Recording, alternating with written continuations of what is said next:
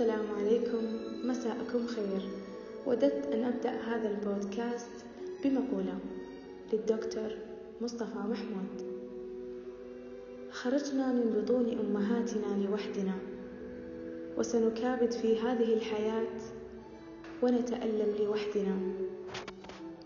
سنكبر ونموت ونلقى الله وحدنا ولكننا لا نملك سوى أن نهون على بعضنا السير في هذا الطريق.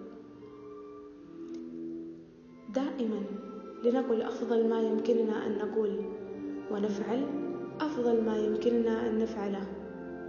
وقدموا أنفسكم بنسختها المثالية وأن نضمن من الخير للآخرين قدر ما نستطيع. عندها ستشعر بأن ذمتك باتت خفيفة ومنكبيك أقل حملا. وأنك اجتزت قنطرة الملام.